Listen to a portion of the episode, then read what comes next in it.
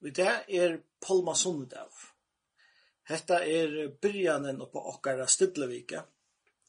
Og ta vi hitje etter bøyblene, så sutja vi at det som hendte Palma Sundedav ta for 2000 år siden, det gjør det størst inntrykk på alla fyra lærersene, alla fyra evangelistene.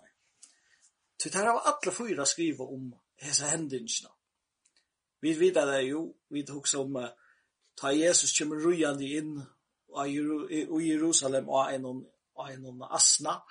Eh te vera motige har motige vi fakna og ropun te vatra vi polma greinon te leggja klein og vegen som ein rean løpara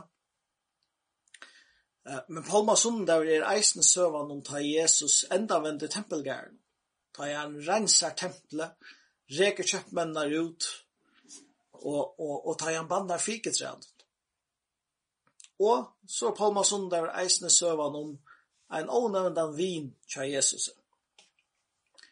Bakgrunden for Jesus denon er at, at Jesus hever ongan tui vere så populær som akkurat nu. Han hever de senaste manna feras rundt om, om, i Galilea.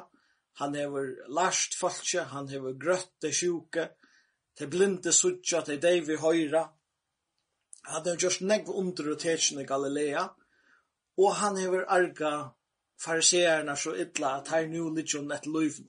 Flere ferner har der atla dripjan, men Jesus han smutjer seg undan. Men nu naga brøyt. Jesus han hever vent seg imot Jerusalem. Seinaste månedene hever han ferast, muvust imot Jerusalem nærre og nærre. Tog han veit at akra hendan påskahøgtøyen er naga særligt hetta er enden. Jesus og lærersveinene er akkurat kommet ur Jericho. Og Jericho, her har vi søvna om Zacchaeus oppi trænen. Vi har søvna om blinda Bartimeus som er grøtter og tog at Jesus er av ut ur bynum. Og nok for er grøtt hessa seinaste togina. Men det som verlig har litt populariteten til Jesus er meir enn nega anna hessa seinaste managina til at han reste Lazarus opp fra dem deg. Og jeg mynda der, om det er hent ut det, eller vi okkar av tøkne. Hvis det stod eh, tutsjetals, hundratals folk rundan om grøvna, ta Jesus begynner å råpa etter Lazarus og ber han komme ut. Til stand her vi kvar smartphone tagga opp. Onke sendra Facebook live. Og i mynda der så tar jeg med Lazarus faktisk kjem genga de ut ur grøvene. Hvordan jeg var milliarder views hei, altså var en opptøk i Svinje. Så Jesus er absolutt av haksta populariteten. Johannes, han skriver såleis om, om hese denar. Han skriver, Stor mångd av jötnum fekk nu a vita at han var her, til å si i Betania, heima tja Mar Marste og Marie og Lazarus, hette dagen fire. Og de kom og, ikke best fyrir Jesus er skuld, men eisen jeg sutja Lazarus, som han hei rast opp fra hinn og deio. Høvesprestan er å ta om å drepa Lazarus vi, tog fyrir hans er skuld for nok fra gjøten og her, og kom til trikva Jesus.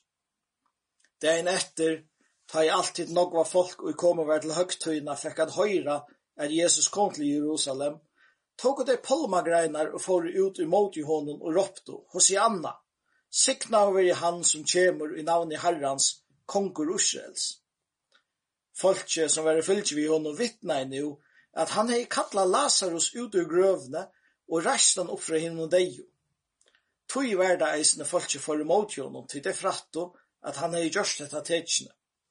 Farseerne sødde tak for vi annan, tid suttja at vinna åndsje. Hikk, Atler heimeren hongur upp ju. Atler heimeren, sier, sier Johannes, er farsierne skjøtt. Uh, Matteus, han brukar året røringur kom i steg. Han brukar faktisk samme år som vi brukar med jarsjoltar, seismikk, ristingar. Hetta var en lytel mann av mig som samlades rundt om Jesus og tog om åtjon og ta han kom inn i byen. Men vi sykja eisen der fariseerne, tar er i ytler, tar vilja handtaka, tar er jo bo om at Jesus skal handtakast, om nega veit hver han er, så skal de sija fra, og nu tås det om at drepa Lazarus eisne, men ikkje om høgtøyna, det vil det der ikkje.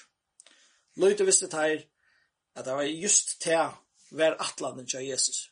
Han atlaje, han visste at han skulle drepast, eller han skulle dodja hesa høgtøyna. Men lad oss spåla sin rattor. I Matteus 21 läser vi såleis. Ta i tar nu narska hos Jerusalem og koma til Betfake vid oljefjallet, sende Jesus tvær lærersveinar av sted og sier vittar, fær inn i bygdena som bært framma for det kunne er. Her skulle de vita sema, finna oasen bunte og filtjatu, løyse teg og leie deg til moin. Sier onker dagar vi tikkun, så skulle de sija at herran og tørvar deg, så skal han vita sema leda deg.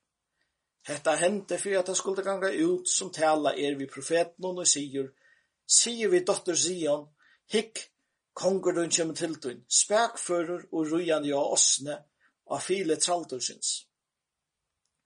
Lærsveinane får så av sted og gjør det som Jesus hei sagt vittar. Tar får etter osne noen og file noen, og løtte klæg i sunn jo at deg, og han sette seg om han at deg. Og fjölden av folk som noen bredde klæg i sunn jo av veien Onnur skore greinar av trøvnun og strødde der av vei. Folke som gikk undan og atan av ropte, Hosianna, sonur Davids, sikna over i han som kjemur i navn i herrans, Hosianna av hattene. Ta han nu kom inn i Jerusalem, kom røringer i atlan stegen, og tess du kvør er hesen, folke sier hatta, Jesus, profetor ur Nazaret i Galilea. Jesus gjør det hetta, eh, hesa gjerna, han kom rujandi inn i Jerusalem, det var et tetsjen. Det var fyrir at Hosianna mørste frelse okko. Hesa folksne, de hoksa nok mest om at hetta var tøyen ta Jesus skulle frelsa deg fra Romvei. Hetta var tøyen ta han skulle komme og bliva konkur og blæka Romveianar ut ur Israel. Men hver konkur sett jo en asna. Just til ger Jesus, for jeg viser dem at det er ikke det som han er kommet å gjøre. Han er ikke kommet å blæka romverjer ut. Han er kommet som en friare høvding, en friare konger. Jesus hever en ære atlan vi just her som det er noen eisne. Det er kjent til vildarlig dæver som Jesus hever valgt ut. Godt nok er Palma Sundedæver, eller Hesen Sundedæver, ikkje en jøtes høgtøy, men korsni er dette en tuttning av Michel dæver. Tui hette i dævren, ta jötane skulle ut at velja påskalamp. Fyra dier åren lampe skal offrast, så skulle mennene i bygdene færa, mennene i husene færa ut og velja på offerlamp. Ta skulle velja et lamp, luta lest, og så takka det heim til syn at anse etter du i fyra dier, åren da vi offra. Og nu for Jesus ganga de inn i byen, som hetta offerlamp, som hetta påskalamp. Og negra få er det jeg sættene, ver ta sanna påskalamp i eisne drip. Lad dere lesa frasøkna til Marskos. Marskos sier, ta i nu narskars Jerusalem og kom til Betfake og Betania vid oljefjallet, send han tvei lærersveinar synar av sted og sier vittar, fær inn i bygdena som bare framfyrt dere er. Vid det samme som de kom inn i henne skulle de finne filbunte som ikke menneske enn hever sitt jo. Løyse til og leie til her. Sier onker vitikon, hvor gjør ditt hatta, så sier herran og tørva det, og han sendte det atter her vi tar sammen. Tar for seg sted, og funn og file bunte vid dittnar, utanfyre, vi veien, og der løste det. Nekrir av teimene stod her, søtte da vittar, hva er det de gjør, løysa de file, men tar sværa av teimen, som Jesus har sagt, og tar lov til å få det. Så lette der filet til Jesus, og lette klæde seg inn i åta, og han settes i åta. Det er en spesiell søv. Altså her så gjør vi at Jesus kjører ut frem lærer seg en bo, er ferdig inn i en, en bygd, og teka en fil som de finner her. Det virker nok så til vildt litt. Men, og, og sier vi der, om nekar spyr hva de, hva de, de skulle bruke det til, så skulle de si at herren og tørva det. Men sannleggen er nok at dette var framman undan planlagt av Jesus. Det sier herran og tørvet og han sendte det atter på en av veien. Det var et løgn i år. Og på en måte. Så les at dette var noe som Jesus hei planlagt. Vi så ikke at eisen er noe for, det er skjettene. Ta sende Jesus noen lærersvenner inn og sier Fær inn i bojen. Og her skulle du finne en vatt, en mann som ber en av vattenkrukke. Det skulle fylla att han av honom. Inne i det huset här som han fyr. Och så skulle det se vi herran och i husen. Att spyr han hver er steg her som Marstein kan halda påskamåltøyene. Og her skulle de gjøre det til reier. Hetta søvann viser okkon at, at Jesus han hei nagar viner. Vi vita godt han hei tar tølv. Vi kjenner eisne til tar halvfjers, man sendi ju tvær og tvær. Vi vet at her, at var några kvinner som gikk runt till handa. Men att säga tajmon så var det en stor fjöld av folken som fyllt jo honom och hvers navn vi inte känner. Vi är Jesus her, Och vi vet att, här, att en av dem åt en asna. Vi vet att, här, att en av dem bærer en av vattkrukke, Vi vet att, här, att en av dem åt en ro. Hetta sier meg at kanskje skulle vi ikkje ødel vera Johannes, eller Peter, eller Paulus, som enda venn i ödlan heim. Nøkra av okkon skulle kanska vera vini Jesusar, men let okkon ødel strempe etter at tjena Jesus. Tar vi fra vujar i Jesu fortellingsne, så sutja vi uh, tver æra søver som er saman tvinna var. Tid tar Jesus rensar tempelet, og ta han bannar fiketræd. Marskos sier at så får han inn i Jerusalem og i tempelet, og ta han i hukt at ödlon, for han ut til Betania vi hinnom tolv, vi ta at det langt var våre kvöld. Det er netter ta han får ur Betania, var han svanker, og ta han langt bort fra fiketräd som hei blø, får han her at vita, og man kanskje kunde finne okkur statui, men ta han kom til det, fann han ikke utan blø, tog ikkje vær fikutui. Ta tog han til åra og sier vitta aldri ui æver skal nekar attur edda avvokst av ter, og han hans er hørte det. Så kom det til Jerusalem, og han får inn i templet og får reke ut ter som selte og kjøpte i templen. Han kordi om kottel terra i veksla og pening, og stålar terra i selte duvor. Han gav ikkje løyve til at nekar bare uila det jøkken templet. Han lærte seg vittar, er ikke skriva at hus mot skal kallas bønhus fri öll folkaslø, men tid hava gjørsta til ronsmannabøle. Ta i høyhusprestan er og hinn skriftlar og hård og hetta, løttet der ra om hvordan tak skuld og beina fyrjonon, tog der rattust han vi til at alt folk som var offer av lærer hans her. Ta i så kvalitet kom foran ut ur stenen, men ta i der om morgenen gikk fram vi så der at fiket seg var følgna fra rådene. Ta myntes Peter til og sier vi en rabbi, hikk fikutreie ut i banna i følgna.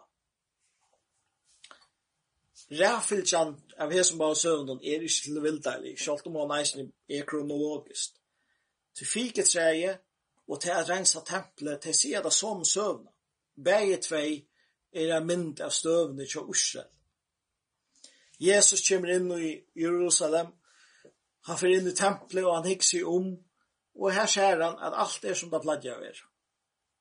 Jesus er verja fyr. Han hever en ta rensa tempel i ena for fyr. Ta gjør han seg en pusk, rek mennene ut. Men nå er han kommet atter, og teir er kommet attor, og alt er vidt det gamle. Vi fikk et trænon, suttja vi en av mynda av Israel. Jesus, han, han, han, hette særstakt, vi hette det einaste øyletjan vi undre vi sutja i Jesus. Hette det einaste fyrir at han bannar nøkron som døyr. Um, og hette virka så oppvisligt, for det var jo ikke fiket, sier Marskos bakt ut. Det, det var ikke grunn til å vanta det var fiket av træn. Men det som de sier er at av en sånn tre koma fiker, fyrst nekra småar barska fiker, åren der gode saftige fikna koma setnjum år. Ta Jesus ser til at her er ongar fikur, her er bara blø bannar han træn. Hetta fiketræje er ein mynd at vi tome gudstyrskallene i tempelen. Jesus vanta jeg finna frukt, så det stod jo i fotlom blåme, her var massar av bløven. På samme måte så vanta jeg han finna gudstyrskan i tempelen, men han fann ongar. Så er spørningen, hvordan gjør vi det her og mer? Hva skjer i munnen livet? Hva skjer i tøyne livet? Ta Jesus hikker seg om, ser han så bare blø og ångan avvøkst. Ser han sanna godstyrskan. Treje må bare avvøkst. Tryggven må visast i verste, som Jakob fyrir skrivande sett. Ta Jesus stendur i tempelen, ta siterar han Jeremias. Jeremias stod akkurat saman sted 600 år åren og sier akkurat det samme.